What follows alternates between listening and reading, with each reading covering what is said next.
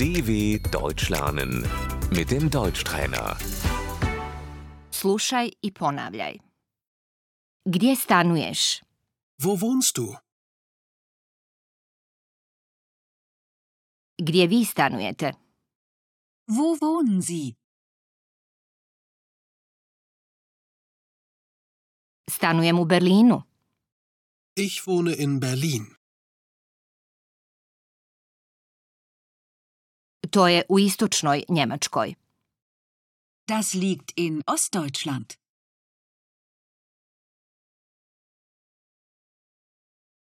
Stanujemo u jednom selu.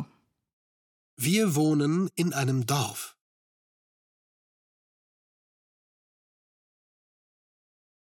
Stanujem na selu.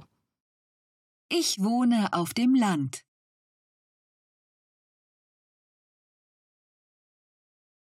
Gdje je to? Wo ist das? To je u Bavarskoj. Das ist in Bayern. Pokrajina. Das Bundesland.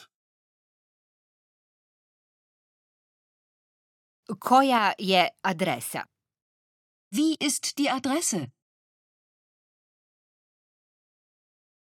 Adresa je Die Adresse ist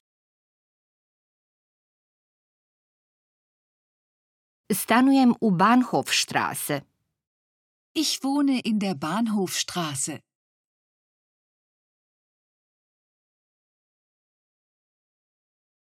Stanujem kod prijatelja. Ich wohne bei Freunden.